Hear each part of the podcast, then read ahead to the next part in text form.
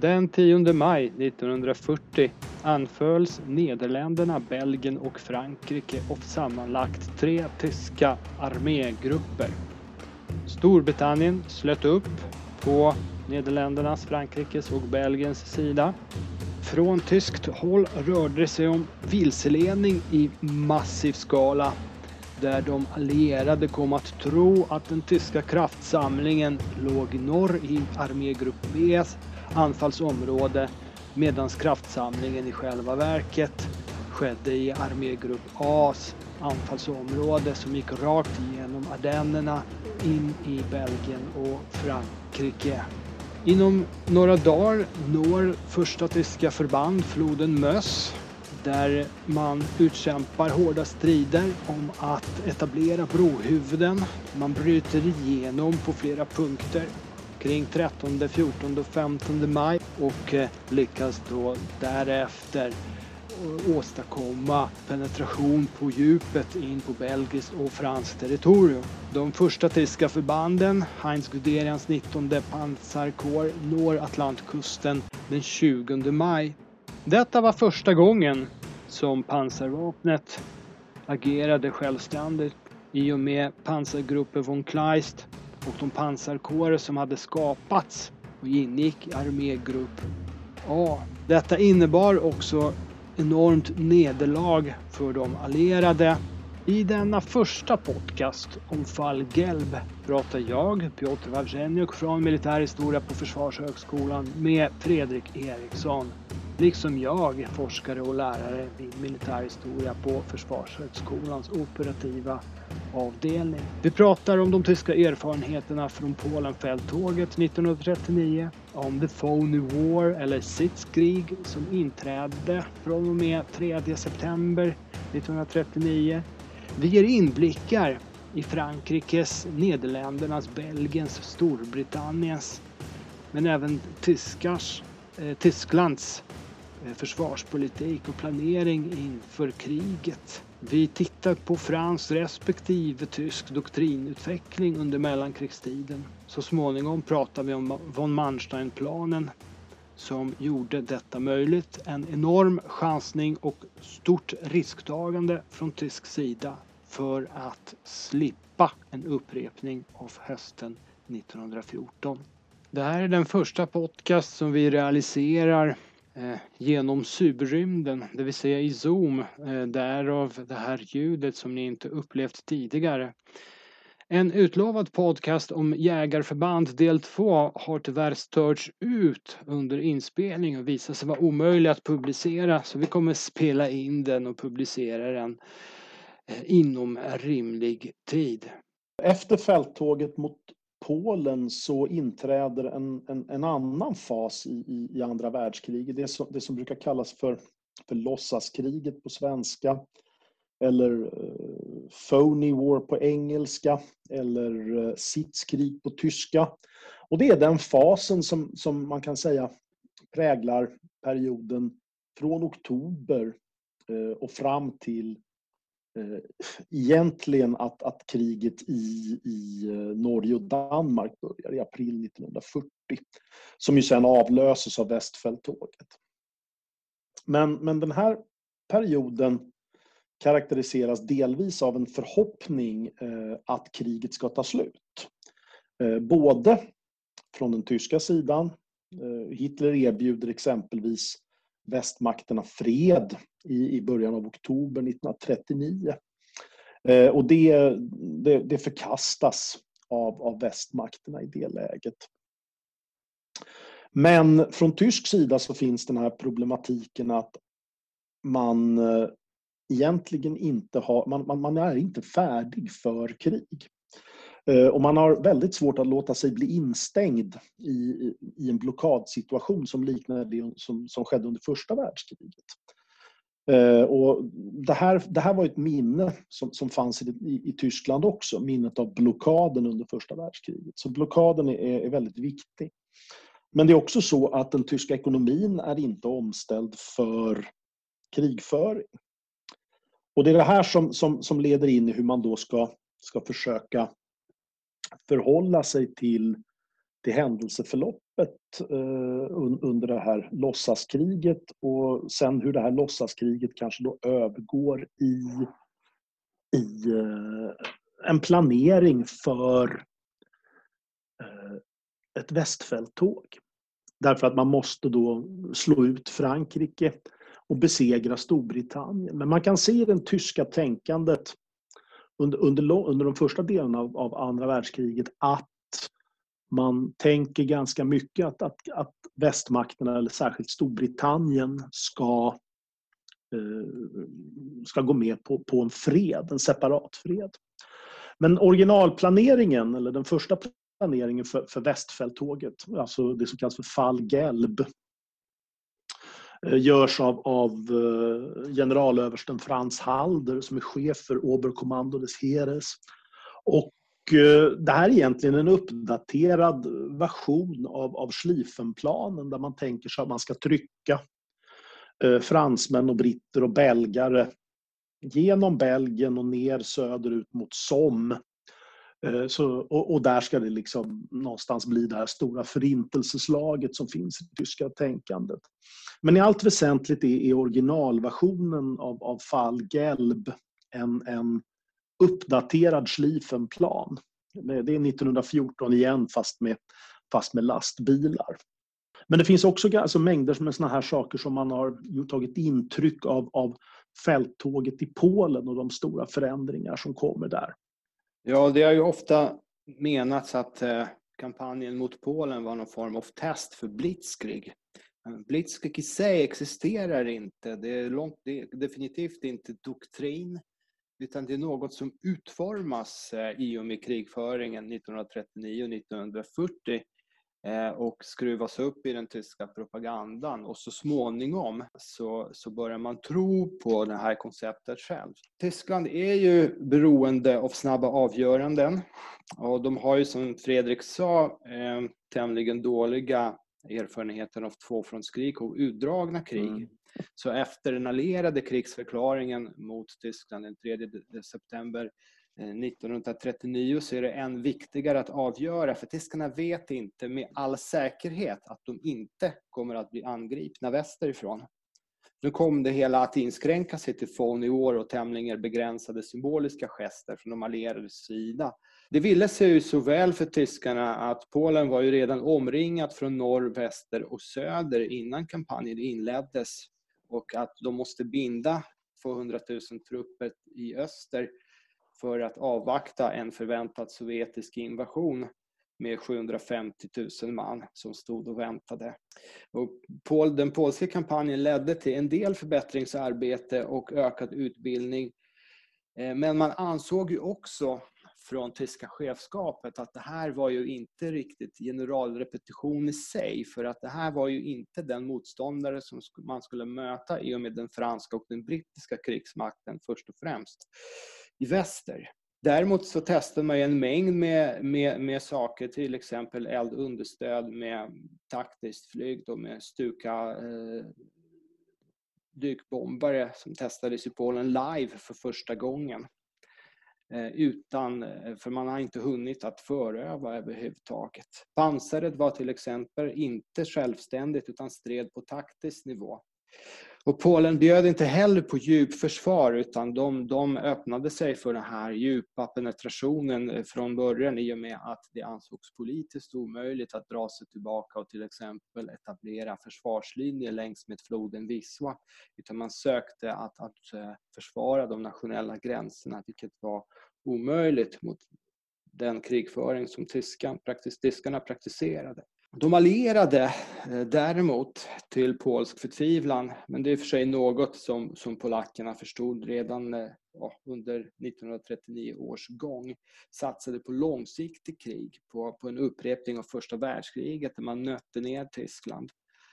Eh, man, man fångade upp den initiala hårda stöten och sen kunde man vidta de åtgärder som tyskar fruktade mest, det vill säga utnötningskrig kombinerat med blockad. Och The Phony War, som, eh, eller Sitzkrig som Fredrik nämnde, användes i, i viss mån då till uh, utbildning och uppförande av nya försvarsverk eh, uh, och uh, fältarbeten av de allierade franska sidan. I Frankrike mobiliserade man en stor del av den vapenföra manliga befolkningen. Men det kunde också ha menlig inverkan för att man kunde inte sysselsätta alla dessa människor under så långa perioder. Och i och med att man inkallade så gott som alla så fick man ju också, också en mängd äldre kullar som ju var tämligen mogna familjefäder som, som längtade hem till familjerna och hade ganska begränsat stridsvärde. Det finns ju mängder med, alltså några andra erfarenheter som man också drar från, från eh, Polenfälttågen 1939. Det, det är ju att de här lätta motoriserade divisionerna som tyskarna har, de är alldeles eh, för svaga för att fungera som, som eh, stöt, att stöta genom fiendens linjer. Så man förändrar ju dem och börjar mm, liksom göra om de här lätta divisionerna till, till, till pansardivisioner istället. Inget av det här är egentligen färdigt när, när fälttåget eh, västerut utlöses lite längre fram i maj. Men, men, men just den här företeelsen att, att, att de här lätta divisionerna inte fungerade. En annan sak man kan nämna är också eh, radiosamband och hur man utvecklar förhållandet och, och att, att, använda flyget och samverkan med flyget på, på, ett helt annat sätt. Det kommer också egentligen i med erfarenheterna från fälttåget eh, i Polen. Ett av, de, ett av de stora problemen som egentligen inträffar eh, i samband med den här ursprungliga planeringen och, och att, att, eh, Hitler eh, inser att de västallierade kommer inte gå med på att Tyskland och Sovjetunionen har delat på Polen eh, och eh, att de ska då acceptera det här. Utan man kräver ju som sagt att Polen ska återupprättas och gränserna ska återställas och liknande för att överhuvudtaget diskutera någon form av, av fred. Va? Eh, så den här ursprungliga planeringen med, med eh, något moderniserad Schlieffenplan om man tänker sig liksom att inringa allting. Eh, den, den finns egentligen färdig i, januari 1939. Och man har också en planläggning för när man ska utlösa Västfälttåget. Det som inträffar här i samband med det här det är något som kallas för Mechelen-incidenten. Och Mechelen-incidenten är, är egentligen en flygkrasch Eh, i, eh, i, i trakterna av, av Mechelen i Belgien i januari 1930, eller 1940. Och eh, en flygkrasch i sig är väl inget större problem. Man har i och för sig kränkt både nederländskt och, och, och belgiskt luftrum, men det är ett flygplan och det är ett misstag uppenbarligen. Problemet är att, att eh, en av personerna på det här flygplanet är en, en, en tysk major vid namn Helmut Reinberger han är egentligen på väg till ett, till ett möte, ett samordningsmöte eh, i en stab. Han, han, han, han tjänstgör i det som heter, kallas för sjunde Fliegerdivision. Det är den som senare kommer att bli, från 1943 kallas för, första fallskärmsjägardivisionen.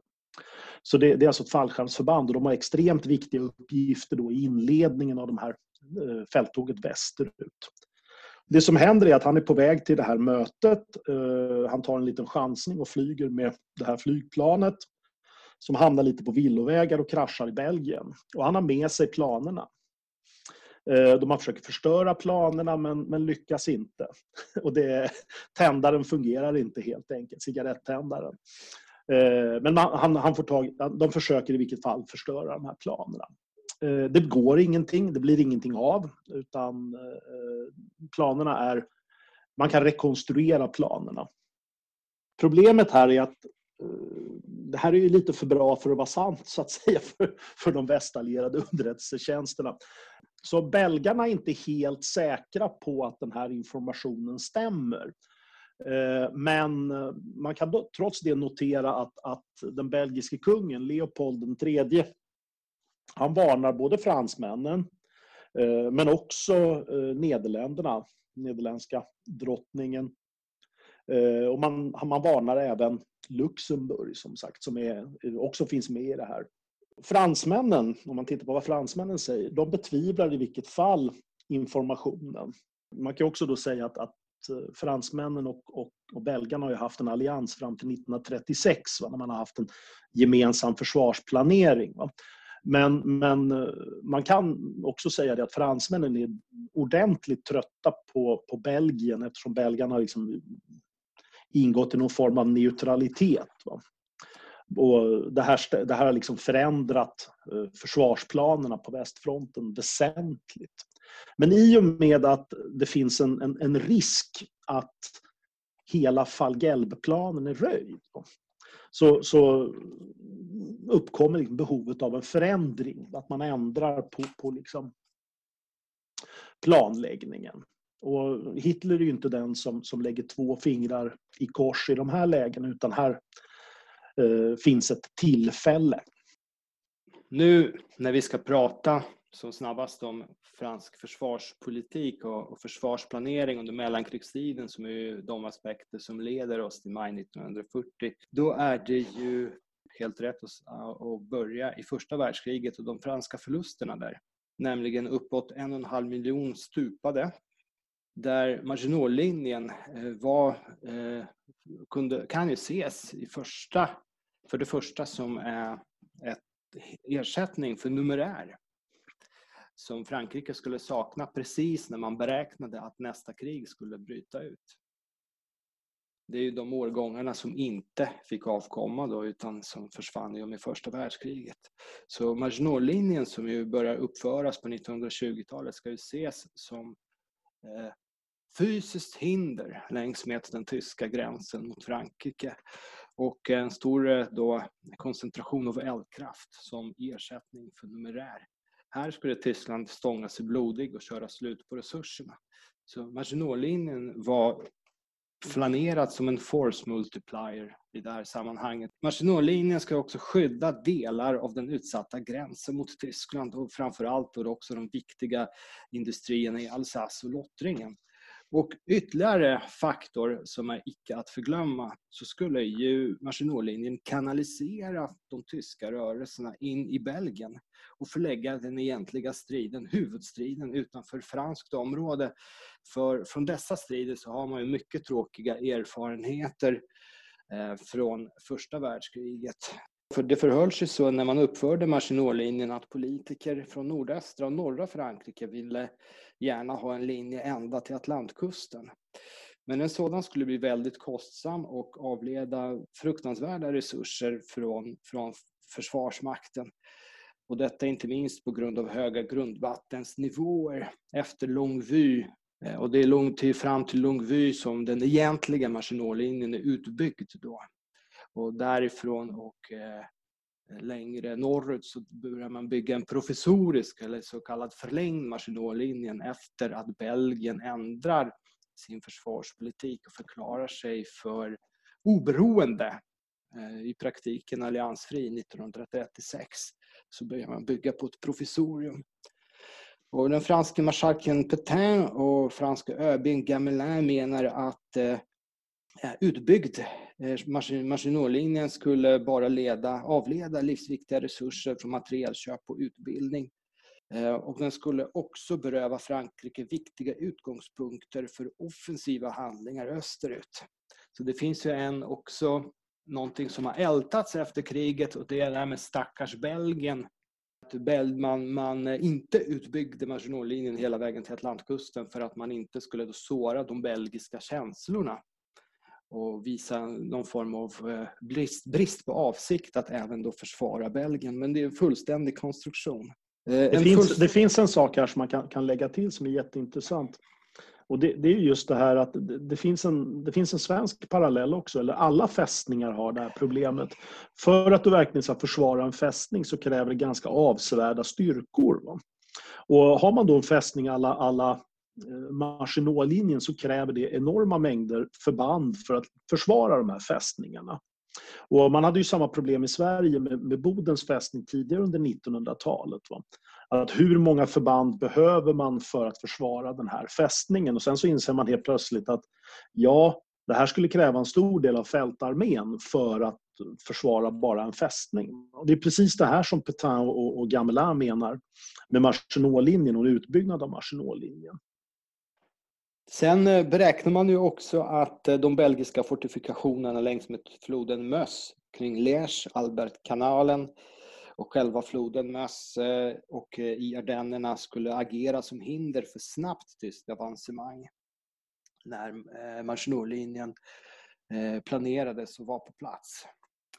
Och Ardennerna beskrevs då i offentligheten som ogenomträngliga, som en naturlig bastion.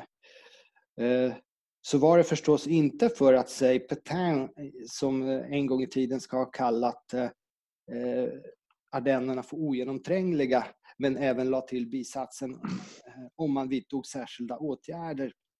När Ardennerna i offentligheten beskrivs som ogenomträngliga och som en naturlig bastion så var det just för att avböja och fäkta bort alla förslag om en utbyggnad av den eh, riktiga Maginotlinjen som slutade nord och väst om Longwy Eh, med stora kostnader för dess underjordiska järnvägar, vrid och sänkbara torn och allt annat högteknologiskt vid denna tid. Det man kan också säga är, är, är ju att Eh, alltså frågan är ju det här med Ardennerna. Är det så att, att man ser det som en, en naturlig barriär eller är det så att det kommer bara ta längre tid för, för fienden att ta sig igenom den här? Va? Petain som ofta kritiseras för sitt uttalande menar att eh, inte att Ardennerna är ogenomträngliga i praktiken utan han menar att de är ogenomträngliga om man vidtar särskilda åtgärder och särskilda åtgärder är ju att man skickar in trupp Eh, för att fördröja framryckande tyska, tyska förband tills man har dragit ihop eh, de, de, tunga, mm. de tunga förbanden som kan stoppa dessa. Man har en erfarenhet under fransk-preussiska kriget 1870-71 och sen igen 1914 med tyska trupper, stora truppmängder, arméer som passerar genom Ardennerna. Mm. Så man vet ju att det är fysiskt möjligt. Ändå så tog det ju betydligt längre tid i, i augusti 1914. Mm. Det tog upp för vissa förband upp till tre veckor att helt och hållet ta sig ut därifrån. Mm. Eh, men den här framryckningen avser man ju att fördröja och störa maximalt. Mm. Det är kanske det som är fördelen med Ardennerna, just att det, det, är en terräng som, som lämpar sig väl för att fördröja en fiende. Definitivt så. Och det, det, kan ju tänkas att det här fungerar. Eh, planeringen eh, fungerar ju ganska tämligen väl förutsatt då att Belgien är med eh, på tåget. Och förutsatt att man inte då vilseleds att, att tro att det är i norr över slätterna i Nederländerna och Belgien som huvudanfallet kommer att komma. Sen kan man ju se, om man ser på franska förberedelser, så menade general Hutzinger som var chef för andra armén som faktiskt för, försvarade en, en, del av eh, Ardennerna mot den tyska framryckningen. Han menade efter kampanjen våren 1940 att Frankrike satte alltför hög tilltro till lärobokslösningar. Mm. Vad menar han med detta? Jo, han menade ju det metodiska slaget, det vill säga en tilltro till att sekventiellt avgörande Först defensivt, sedan övergång mm. till eh, defensivt handlande vid bra läge. Ungefär som man gjorde vid Kaiserslacht där man lät tyskarna eh, Eh, framrycka sig blodiga, trötta och bortom egen, egen försörjning, egna försörjningslinjer för att sen då dra ihop eh, överlägsna då materiell och manskapsmängder och, och köra över eh, slutkörd tysk armé. Eh, och det här franska tänkandet om det metodiska slaget som utvecklas under 20 och 30-talet, det blir helt kullkastat av den tyska tillämpningen av sin doktrin med, rörlig, med, med hög rörlighet, individuellt initiativ, kontinuerlig strid och kontrolldecentralisering om man ser till eh, den franska upprustningen under 20 och 30-talet så var det överlag ganska välfinansierat och man spenderar ständigt mer än Storbritannien under hela mellankrigstiden eh, på, på försvaret. Och 1938, det vill säga en, en ganska god tid före krigsutbrottet, så spenderar man 2,6 gånger mer medel i relativa termer än vad man gör 1913. Så på pappret så kan ju, om man ser sett till militära utgifter, så kan ju det här tyckas vara ganska bra. Men vad är det man satsar på? Man satsar en, en bråkdel av pengarna på, på eh, eh, ganska omfattande modernisering av mindre mängd trupper. Man, ser så. man satsar 116 eh, miljoner francs på utveckling av pansarfordon mellan 1920 och 1934. Och 56 av den här, den här summan satsas på stridsvagnsutveckling och då huvudsaken i rollen av infanteriunderstöd. Då pratar vi om vagnar som Renault 35 i närbesläktade stridsvagnar. Eh, samtidigt så har också de stridsvagnar som tillverkas betydligt mindre bränsletankar än deras tyska motsvarigheter, vilket visade sig vara viktigt 1940.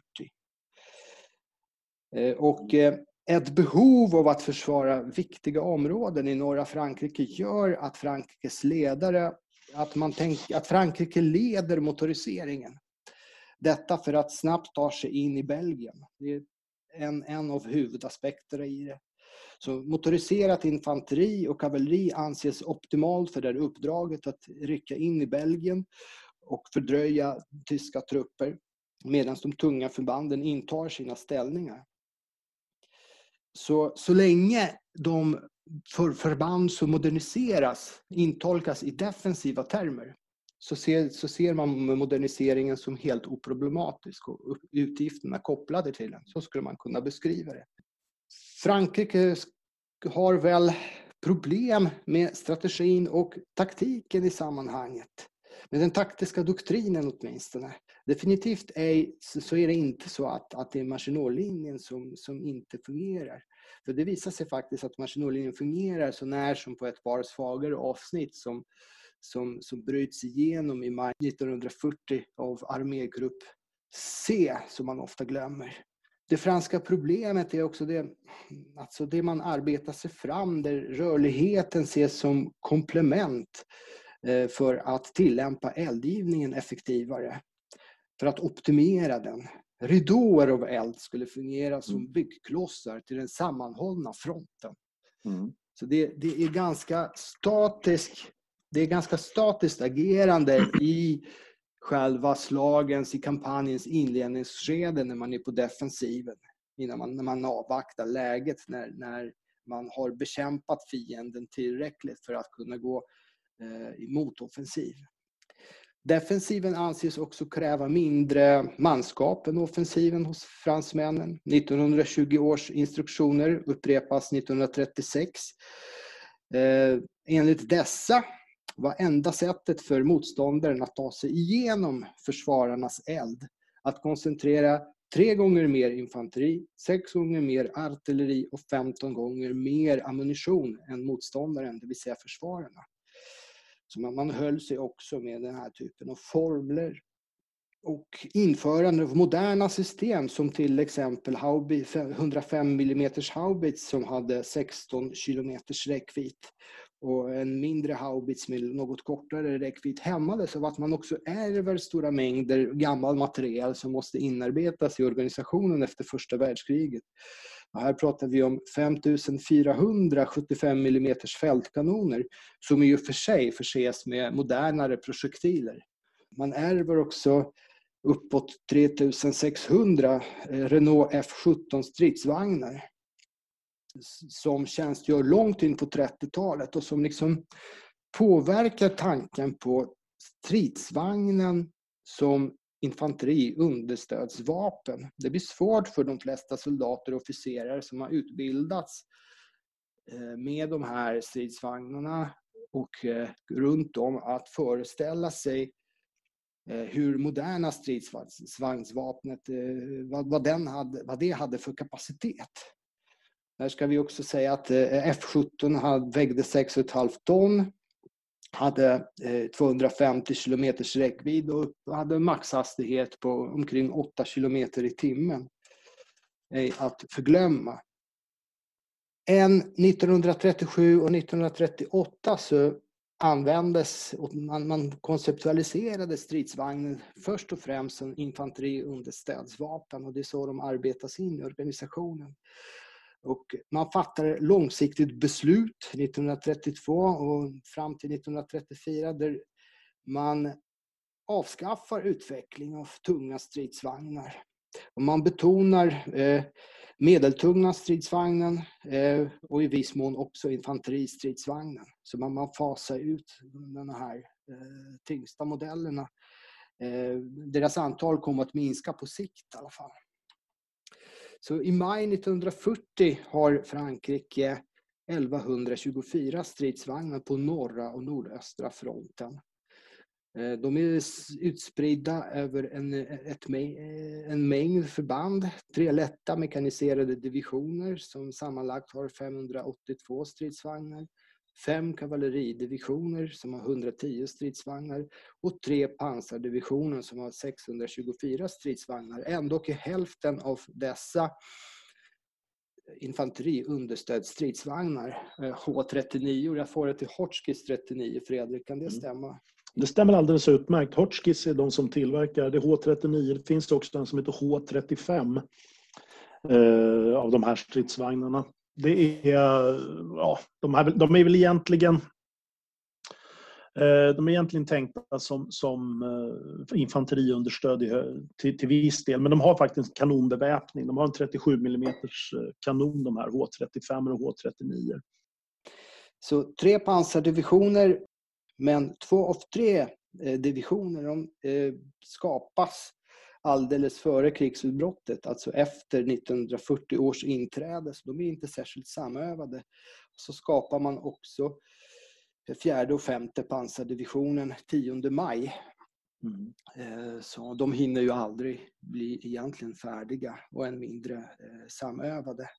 Så för att sammanfatta det här, sammanfatta det här så var ju franska försvarsmakten mentalt ej rustad eh, på grund av sin doktrin. Att föreställa sig ett massivt pansaranfall som understöds av attackflyg och som ej förberetts under längre tid. Det vill säga som, som så gott som improviseras i realtid. Eh, och detta i och med franska betoningen av det metodiska eh, slaget. Det, det, finns, det finns lite olika aspekter just av, av Frankrike och erfarenheten av första världskriget. Eh, och en, en aspekt som, som man kan, kan föra till, det, det är det här som förs fram av, av Elisabeth Keir eh, i hennes bok Imagining War. Eh, som, där hon talar om, om militär kultur och, och just det här att frans, den franska armén kanske inte alls är, är Eh, särskilt illa rustad att, att utföra offensiver. För det kan, man kan utföra offensiver och offensiva eh, handlingar och, och, offensiv planering. Men det hon har valt att, att, att, lyfta fram är ju också att motsättningar mellan eh, krigsmakten och arméns officerare och eh, vänsterregeringar under 20 och 30-talet där, som, som, där, så ett, en av problemen som, som officerarna anser det är just att eh, nedkortandet av värnpliktstiden eh, som genomförs av vänsterregeringarna i olika etapper eh, innebär då att eh, från officerarnas synvinkel att eh, ja, man tror inte att soldaterna är kapabla att genomföra en offensiv. Och därför så eh, väljer man en helt defensiv lösning som då kombineras ihop med de här tankarna om det, det mer nästan maskinella slaget där artilleriet är, är huvud, huvudpunkten. Eh, man kan också nämna att det, finns ju de som, de som eh, för fram andra idéer och en av dem är ju, är ju generalen de Gaulle. 1934 så skriver han den här boken eh, Vers l'armée du métier, alltså mot yrkesarmén, där han betonar att man har en värnpliktsarmé med kortare utbildningstid. Och sen så har man en, en fast anställd armé med, eh, för de här, de här mekaniserade förbanden. Och det kan man också säga att, att skillnaden i organisation på de här franska eh, pansardivisionerna, de här tre pansardivisionerna som man har, eller lätta mekaniserade divisionerna, det skiljer sig inte sådär jättemycket från den tyska pansardivisionen. De är organiserade ungefär på samma sätt. Va? Eh, och det här kan man se på, på flera olika, eller i flera olika krigsmakter i Europa. Att man har de här stridsvagnsförbanden, de är organiserade ungefär på samma sätt. Man har ungefär samma sätt att se på hur stridsvagnar ska användas. Vi har infanteristridsvagnar med kulsprutor som ska mölja sig igenom Eh, skyttegravslinjer alla första världskriget. Så har man det som man kallar för kavalleristridsvagnar som möjligen ska liksom gå in på djupet och såna här saker. Men problemet för den franska armén är att man har, man har ganska, det blir väldigt stelbent hela tiden i hur man ska hantera det här. Med exempelvis offensiv krigföring och liknande. Det här kan man också eh, påpeka när det gäller Storbritannien. Storbritannien har också en sån här eh, samma typ av, av tänkande. Och det skiljer sig inte så där väldigt mycket från, från det franska. Men en sak som man ska lägga till just när det gäller Frankrike, det är ju det här att, att fransmännen litar inte alls på Storbritannien. Inte någonstans kan man säga. Eh, så att Maginot-linjen behöver också ses ur ljuset att man är osäker på huruvida britterna kommer ställa upp på sin egen sida. Så Maginot-linjen handlar kanske lika mycket om att ja, hålla gränsen mot Tyskland och ha kriget i Belgien men också en, en, en obehaglig känsla i, i, i, Frankrike att man kanske är tvungen att göra det själv tillsammans med Belgien då möjligen. Så att eh, den, här, den här osäkerheten finns där också. Men, men som du sa också Piotr, det är det att fransmännen lägger ner eh, stora resurser på, på militär materiel och, och, och utveckling av, av stridsvagnar och liknande. Eh, vilket då kanske inte Storbritannien gör på, på, på samma sätt. Så det, fin, det, finns ganska stora skillnader mellan dem eh, i det avseendet. Men det man också kan säga är ju som sagt, som vi lite var inne på, nu ska vi inte kanske tala allt för mycket om själva stridsvagnar och modeller och sådant. Men det är inte så att de franska stridsvagnarna per definition är sämre stridsvagnar än de tyska. Problemet ligger snarast i hur man använder stridsvagnarna och hur tyskarna lyckas eh, samverka med, eh, med flyget. Så att det är en samverkan med flyg och stridsvagnar på, i, i, helt andra dimensioner. Nej, det, det visar väl 16 eh, maj och Ston, kapten Bilott som är chef på en Char, Char A stridsvagn tror jag, åker in i byn och slår ut 13 tyska stridsvagnar. Mm. Och emellan hinner han också försvinna iväg för att tanka, vilket också visar på att de har lite olika egenskaper. Kör A i tung stridsvagn, men han, kommer tillbaka då och fortsätter. Han det är precis då. artilleripjäser också. Nej, det är just de här tunga stridsvagnarna som är avsedda liksom att bryta igenom eh, en stridsvagnslinje. Och just därför så behöver de inte, de behöver inte så mycket bränsle. Va? Eftersom de bara ska röra sig nej, en kort bit. Nej, nej. För att gå tillbaka till de Gaulles bok och hans tankar om professionell armé och, och pansardivisioner de bemannade av professionell personal. Mm. Eh, han gjorde sig ju till politiskt lik inom det franska franska etablissemanget och militäretablissemanget. Han marginaliserades i princip fram till krigsutbrottet. Och det var ju en no-go att, att, att skriva om professionell armé. Dessutom så, var skulle man använda dessa förband? Skulle man manövrera med dem i norra Frankrike som man egentligen skulle skydda? Tanken var nog snarast Belgien. Det är ju Belgien som blir, ska bli slagfältet för de här. Va? Ja, men det förutsatte ju det franska tänkandet offensivt handlande med oh ja, de här divisionerna. Oh ja, vilket, vilket var politiskt ajabaja det också. Ja, nej, men alltså det, är, det är det politiska planet som är, är problemet egentligen. Sen är, sen är det så här, är, är de Gaulle eh, egentligen, är, är, han en, är, han politiskt, är han politiskt omöjlig eller militärt omöjlig? Eller lite både och. Va? Därför att det han, det han säger är, är ju en, en, stor del av, av det här vurmandet för värnpliktsarmén och, och, och liksom eh, medborgaren i vapen, den finns ju just hos de här vänsterregeringarna som är lite semirevolutionära. Eh, och kanske mindre i, i, i, i, vissa delar av Försvarsmakten. Så att eh, det, det, finns flera olika aspekter i det här i relationen mellan krigsmakt och politik som är intressanta. Som spelar just in i det franska förhållandet. Men det spelar även in i, i, i det brittiska. Därför att alltså Storbritannien är, är oerhört intressant att titta på utifrån samma perspektiv. Va? Därför att eh, Storbritannien rustar ju ner eh, efter första världskriget. Och det, man drar ett antal olika slutsatser och man genomför ett antal olika prov och liknande under 20-talet med sin krigsmakt. Va? Eh, men det som är, kanske präglar det brittiska konceptet här, det är ju att eh, ett, återgång till en, till en icke värnpliktsarmé. Värnpliktsarmén är, är, är någonting som man inte vill ha i Storbritannien av institutionella skäl och även av inom krigsmakten. Armén vill inte ha värnplikt. Eh, och återigen då, av, eftersom att det, det hotar dess, dess eh, exklusiva karaktär. Va? Som eh, aristokratiskt revir eller vad man ska säga. Och egentligen en polisstyrka för kolonialväldet, det är det som armén är till för.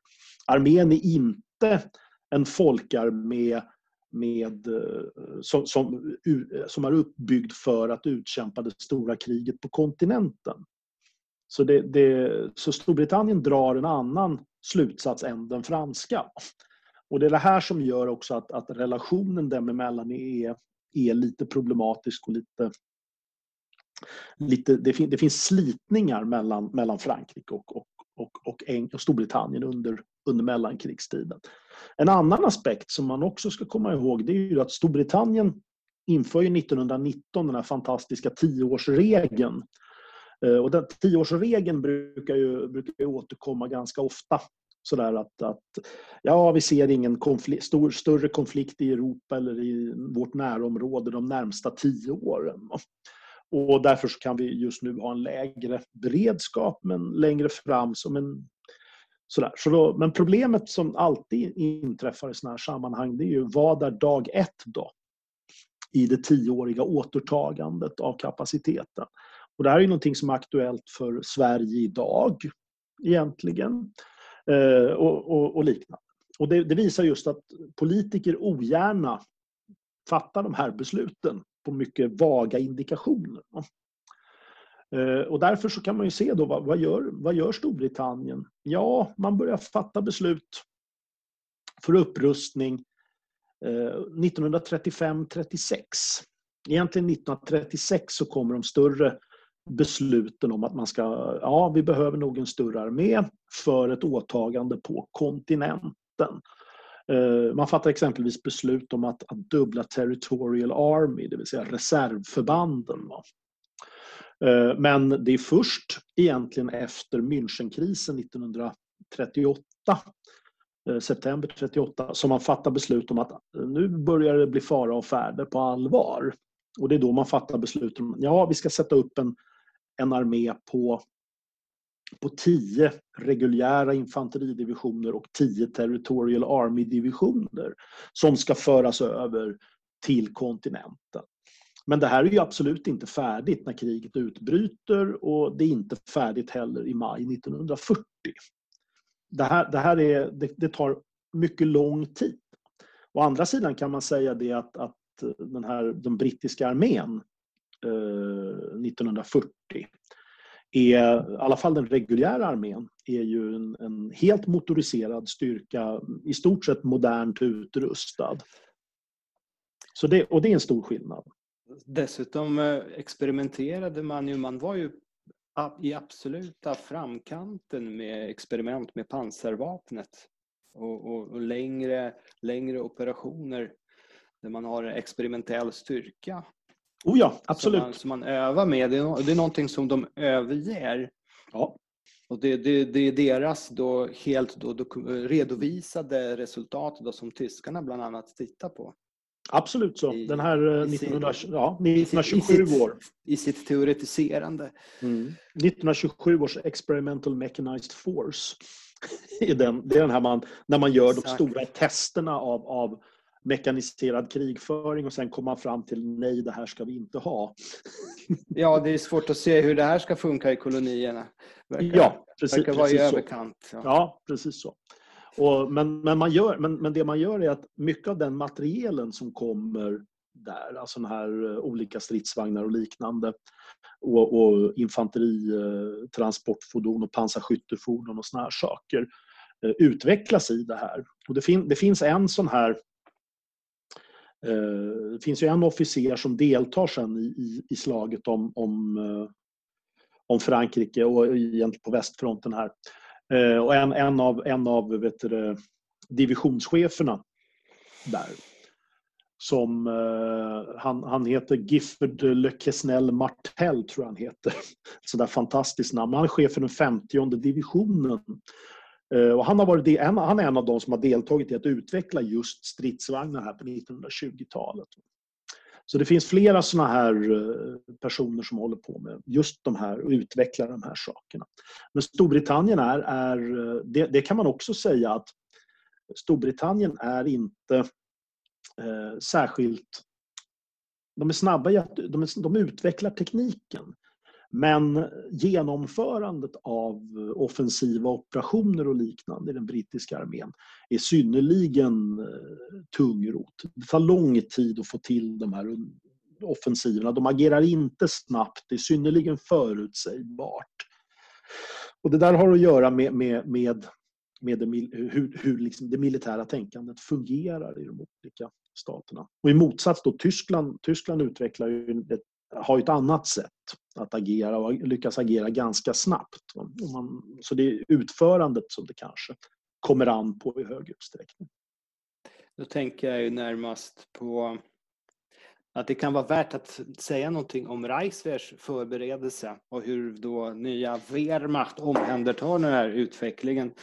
För att, hör och häpna, så är ju inte det som tyskarna gör 1939 eller 1940 eh, det, det, är inget som, som de har skakat ur ärmen under den senare tiden, utan det är ju något som man har med sig sedan en, av, en utredning av, eh, av till exempel Kaiserslachtoffensiverna våren 1918 visade på att man inte riktigt kunde nå fram med, med färska trupper och med eh, materiell och förnödenheter till trupperna varpå då dessa skulle må bra av att motoriseras.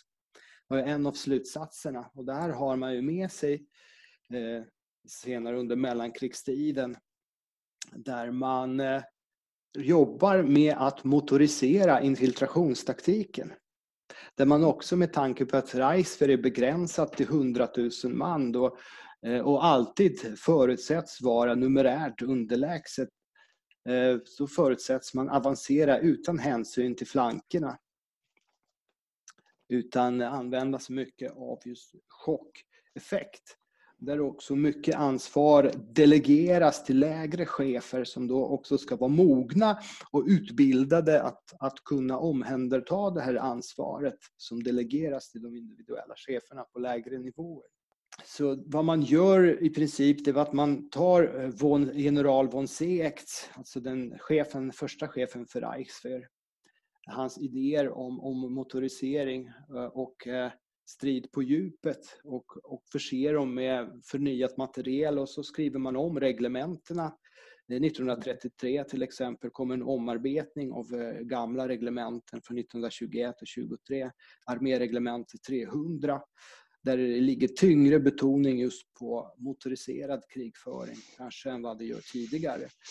Och så växer Reichswehr genom Wehrmacht och genom Hitlers då, eh, kapprustning upprustning till, från 100 000 man till 3 700 000 man, inklusive reservarmé då eh, förstås, men ändå mellan 1933 och 1 september 1939. Där man då använde sig av Reichswehrs gamla personal precis på det sätt som det var avsett, det vill säga att de ska bli officerskadrer i en kommande stor tysk folkkrigsmakt när man har liksom mobiliserat samhällets hela eh, resurser, vilket man ju då inte fick göra enligt eh, Versaillesfördraget. Så mycket av det som tyskarna gör 1939 i Polen och kanske i högre grad 1940 utarbetas under 1920-30-talet när tyskarna lär sig att avancera utan hänsyn till flankerna. Och de mm. beräknas alltid vara underlägsna. Om än så är det inte alltid som det här är tänkt som, som offensiv strid. Nej. Utan det här kan röra sig om rent defensiva mm. fördröjningshandlingar, en fördröjningsstrid medan man mobiliserar samhällets resurser. Då. Mm. Oavsett om motståndarna är Frankrike, Belgien eller Polen. Vilket är också ett scenario som man ofta övar på. Mm. Det där är en jätteintressant aspekt. Just att, att det finns ju den här föreställningen att så här, åh, den tyska erfarenheten från första världskriget den blir i högsta grad offensiv. Och bland annat det här med, med eh, alltså stormtruppstaktiken. Det finns en bok av, av Bruce Gudmundsson, heter en amerikansk forskare, som heter Stormtrooper Tactics där han liksom analyserar det här. Och, men också liksom kan man dra slutsatsen över till, till mellankrigstiden, precis som du sa Piotr, med, med Hans von Sekt och, och hur, hur, vilka slutsatser man drar. Men i huvudsak, så det här handlar ju om uppdragstaktik. Egentligen att mannen på plats ska fatta beslut och agera i enlighet med, med, med liksom en övergripande plan. Va? Och Det innebär att beslutsfattandet blir mycket snabbare och såna här saker.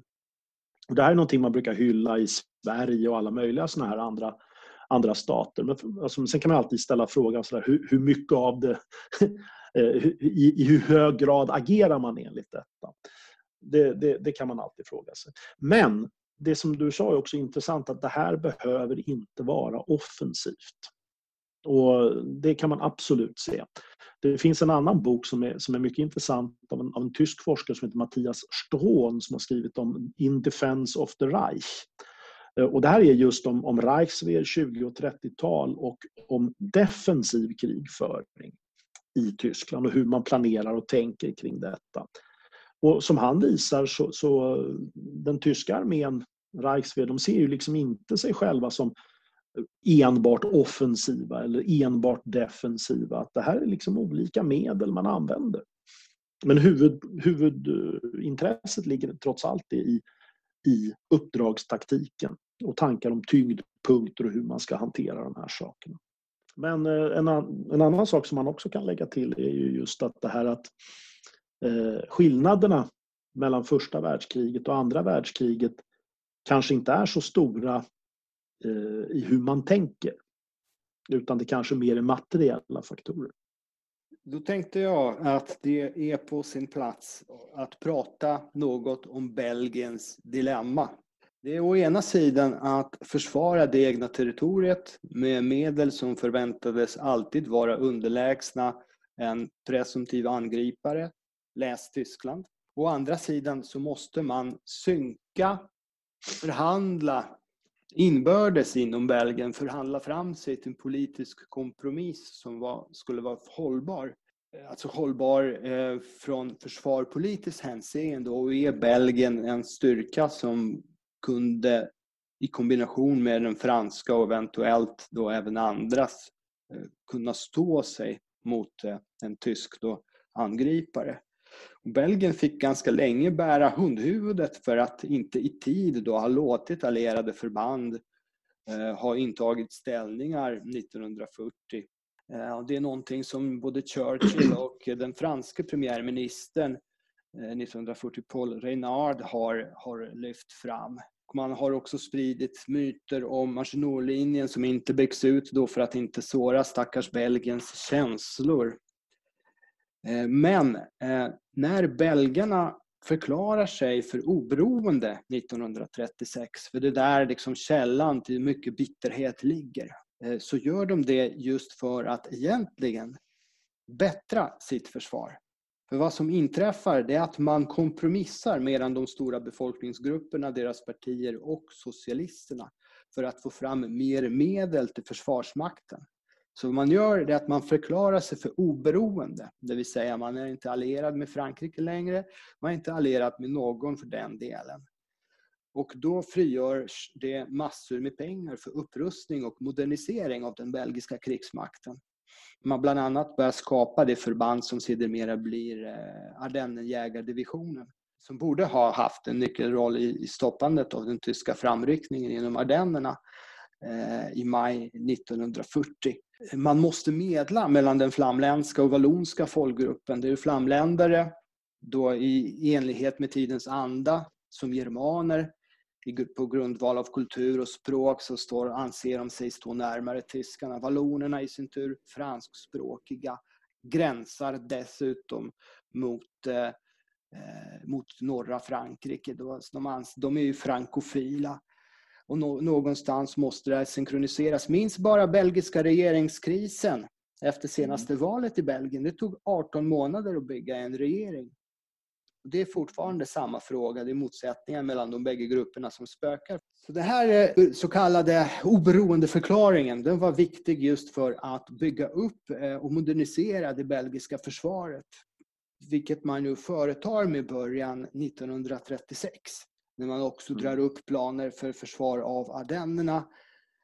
Eh, man börjar bygga upp när eh, Ardennejägardivisionen där det hela bygger på belgiska ÖBns van, van Överstratens idé om försvar av Belgiens hjärtland. Där man då överger eh, de svårförsvarade gränserna och drar sig tillbaka mot centrala delarna av landet och etablerar försvarslinjer genom, längs med viktiga vattendrag. För Belgien delas ju, om ni tittar på kartan, präglas i mångt och mycket av stora vattendrag som i norr-söder linje men också en mängd mindre i, i öster-väster linje. Då, där dalar kan användas för avancemang. Där en stor del av de belgiska trupperna då skulle göra motstånd längs med linjen Antwerpen, Albertkanalen, Liège och Namur. Och försvaret av Ardennerna leds så småningom av kavallerigeneralen Keyers som insatte två divisioner varav en var Ardennerjägarna som var motoriserade. Eh, och deras eh, främsta uppgift var att använda sig av fältarbeten som hade förberetts. Eventuellt utlösa några sprängladdningar och så sätta sig på sina motorcyklar och så krosa väster, västerut. Och sen upprepa hela förfarandet. Mm. Problemet är att man inte bygger alla försvarszonerna i antennerna, att det är egentligen zonerna A och B som i någon mån är klara. Och mm. medan zonerna C och D är godkänns förrän i maj 1940. Mm. Så de, de, finns ju i praktiken inte, så att det hela saknar djup. Ett annat problem är ju att Ardennejägarnas uppgifter inte är att försvara de här, de här fältarbetena, vilket då kraftigt skulle fördröja, och det visade sig vid flera tillfällen att de kunde kraftigt fördröja tyskarna när de inbegrep sig i att eh, försvara fältarbeten på, på vissa avsnitt. Mm. Man kunde hindra pansardivisions framryckning i flera timmar. Man kan också säga någonting om det här med hur de Bel alltså problemet med, med den belgiska neutraliteten eller alliansfriheten 1936 blir ju också det att eh, försvarsplaneringen med Frankrike upphör ju. Och I och med det så, så, så blir det också det här, hur ska de franska planerna länka i de belgiska planerna? Vi har det belgiska försvaret längs Albertkanalen eh, och sen så har vi de här franska planerna då att så fort kriget börjar ja, eh, och Belgiens, Belgiens gränser kränks av tyskarna så ska man ju sätta igång sina eh, egentligen de här mobila förbanden in i Belgien. Eh, och då länka in i egentligen det belgiska försvaret som man hade tänkt. Och det, det finns ju väsentligt två mm. franska mm. planer. Ett är den här plan D, eller D efter Dill, floden Dyll då egentligen i Belgien, som ligger öster om Bryssel. Och det här är ju egentligen en, en, en typ av förstärkning av eh, försvaret längs Albertkanalen egentligen. Så det, det, är ungefär så. så. Men det finns också en annan plan och det är plan E efter floden Esko, eller Schelde egentligen. Schelt. Och det handlar egentligen då om att hålla Antwerpen och en, och, en, och en linje längre västerut i Belgien. Och lite av det här beror då på hur långt tyskarna har hunnit. Det, det är i stort sett det som avgör de här franska planerna i Belgien. Men man kan ju också säga det att Eh, utifrån den belgiska synvinkeln så är man, ser man sig ju eh, lite som, som, som en form av hunsad lillebror till fransmännen. Va? Där fransmännen planerar att genom Maginot-linjen skydda stora delar av, av Frankrike eh, och tänker sig då samtidigt att kriget ska utföras i Belgien istället. Det är där det hela ska utkämpas. Så det är Belgien som ska bli liksom eh, slagmarken. Ja, och samtidigt skydda norra Frankrike. För att där i norra Frankrike eh, ligger ju huvudindustrierna eh, som krävs eh, för, för varje form av framgångsrikt militärt mm. motstånd. Absolut så. Som, som absolut ska hållas utanför, utanför strider. Mm. Och det är riktigt som du säger att det är i princip bara ÖB van Överstraten som vet att man ändå kommer samarbeta med fransmännen och så sker mm. de kontakterna på underrättelsetjänstnivå. Vilket då gör att det är ingen som har egentligen ett hum om hur man ska göra. Och det visar sig också i agerandet där man inte synkroniserar med fransmännen som ju skickar in en mängd förband in i Ardennerna att fördröja. Deras rörelser är inte synkade med Ardennerjägarna vilket då gör att i vissa Nej. fall så kommer fransmännen till, till fältarbeten som hade då eh, utlöst, hinder som hade utlösts av, eh, av Ardennerjägarna eh, och hindras på så sätt i sin framryckning. Och dessutom mm. så upphör de här franska förbanden i Ardennerna snart att strida som divisioner och, mm. och, brigader och bekämpas av, av de framryckande tyskarna ganska hårt. Men det finns ju, alltså, men det, det, som är intressant att se det är också att det belgiska, det här som att vi ska fördröja fienden framåt, eller fiendens frammarsch genom Ardennerna.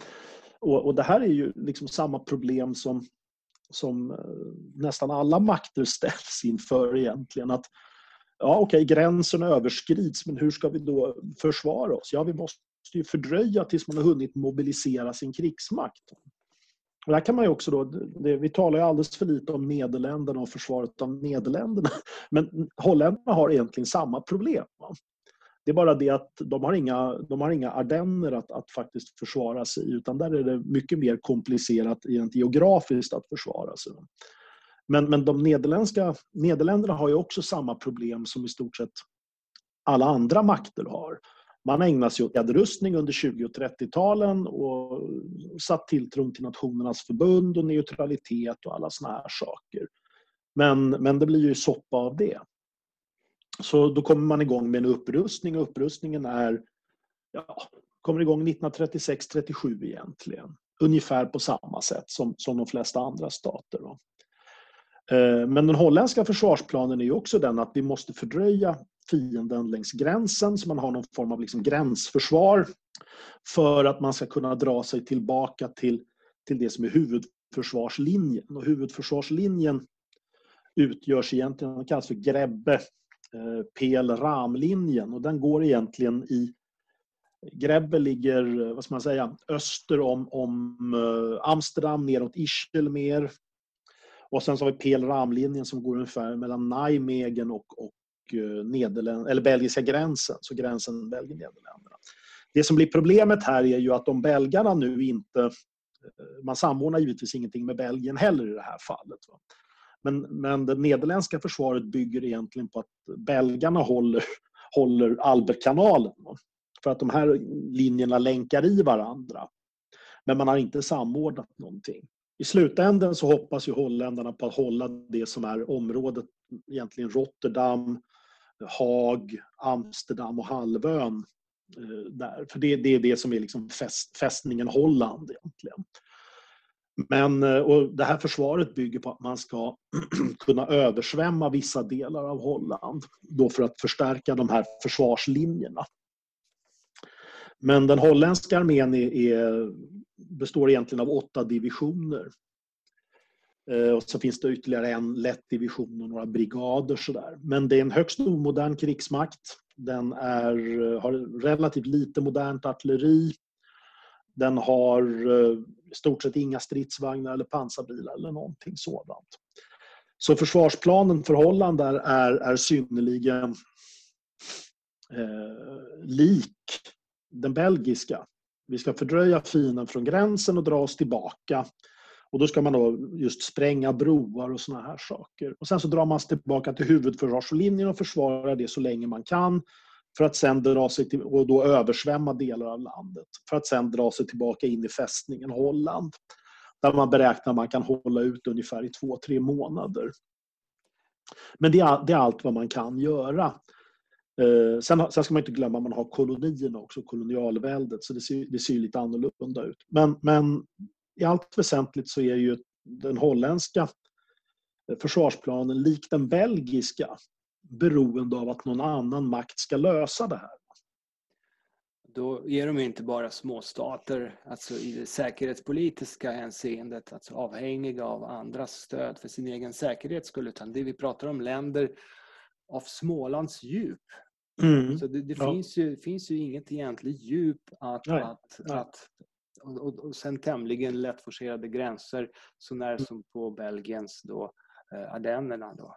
Så att, så att liksom lösningen på deras försvarsproblem måste komma någon annanstans ifrån. Det, det, är, liksom, det är avhängigt att, att Storbritannien eller Frankrike eller någon annan besegrar Tyskland som är den primära motståndaren både för Nederländerna och Belgien. Eh, men, men av egen kraft kan man egentligen inte göra någonting. Annat än att, att göra motstånd på något vis och hoppas att allting löser sig. Eh, och det, där är, det där är småstatens problem i det här sammanhanget. Och, och småstaterna ser med viss, viss förskräckelse på hur, hur Nationernas förbund och alla andra sådana här saker som man har hängt upp sin säkerhet på egentligen bara packar ihop under, under 30, andra hälften av 1930-talet. Det är alldeles riktigt. Men vet du vad vi inte har pratat om? Nej. Vi har inte pratat om von Manstein-planen. Von Manstein han var stabschef hos armégrupp A, det vill säga den armégrupp som sedermera blev ansvarig för genomförande av hans plan. Då var han inte längre vid rodret, vid staben på armégrupp A. Eh, och eh, hans tänkande gick ut på att offensiv med tyngdpunkt som det planerade genom Nederländerna och Belgien skulle ju möta den andra sidans, det vill säga Frankrikes, Storbritanniens, även Belgiens så tyngdpunkt. Tyskland riskerade således att eh, dras in i utdraget krig medan tiden arbetade mot det. Och då ska vi dra oss till minnes det som vi redan nämnt, det vill erfarenheterna av första världskriget och blockaden och, och, och allt det miserabla som skedde i det tyska riket som svalt de sista två krigsåren åtminstone. Så de taktiska framgångar man eventuellt kunde göra på detta vis menade von Manstein kunde möjligen omvandlas till framgångar på operativ nivå men definitivt inte på strategisk nivå. Så istället för att upprepa, göra någon form av eh, eh 1914 2.0 för att använda modernt språkbruk och driva fienden söder om floden Somme så skulle motståndarens styrkor skäras i två delar längs med floden Somme med en nordlig del i gigantisk omfattning innefattande då Nederländerna, Belgien och en del av Frankrike. Därför skulle tyngdpunkten skiftas från armégrupp B i norr till armégrupp A i centrum. Och då ska vi också ha i åtanke här att det fanns armégrupp C som, som bemannade alltså sträckningen längs Maginot-linjen som vidtog eh, relativt få offensiva handlingar eh, i maj 1940. Starka pansarförband borde sättas in där de minst förväntades, menar von Meinstein, och genom Ardennerna. Sedan skulle Möss korsas vid Sedan och vägen skulle ligga ganska öppen ända fram till Soms mynning och fienden i norr skulle inringas i en enorm ficka. Eh, samtidigt kunde man ju använda Sedan som utgångspunkt för att säkra den tyska flanken genom offensiv.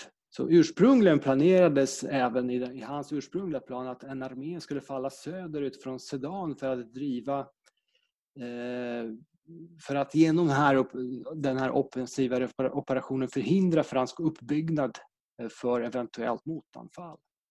Mm. Guderians pansarkår, hans 19 pansarkår, var den som ganska exakt efterlevde planen.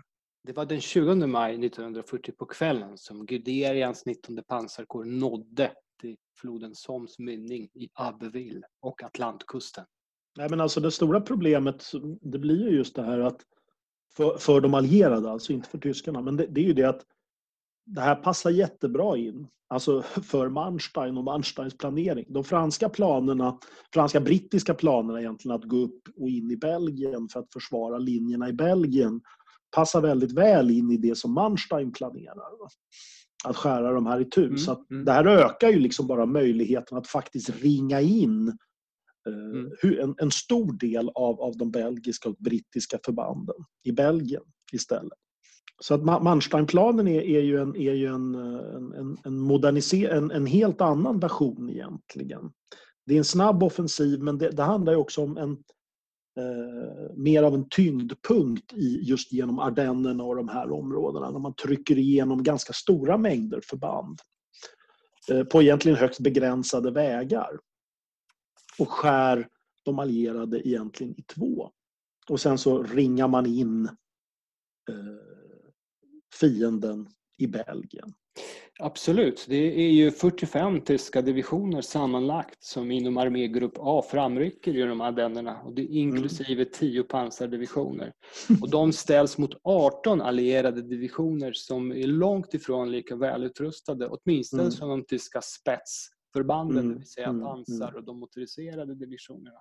Mm. I norr däremot har vi 29 tyska divisioner som stångas mot 60 allierade divisioner. Mm.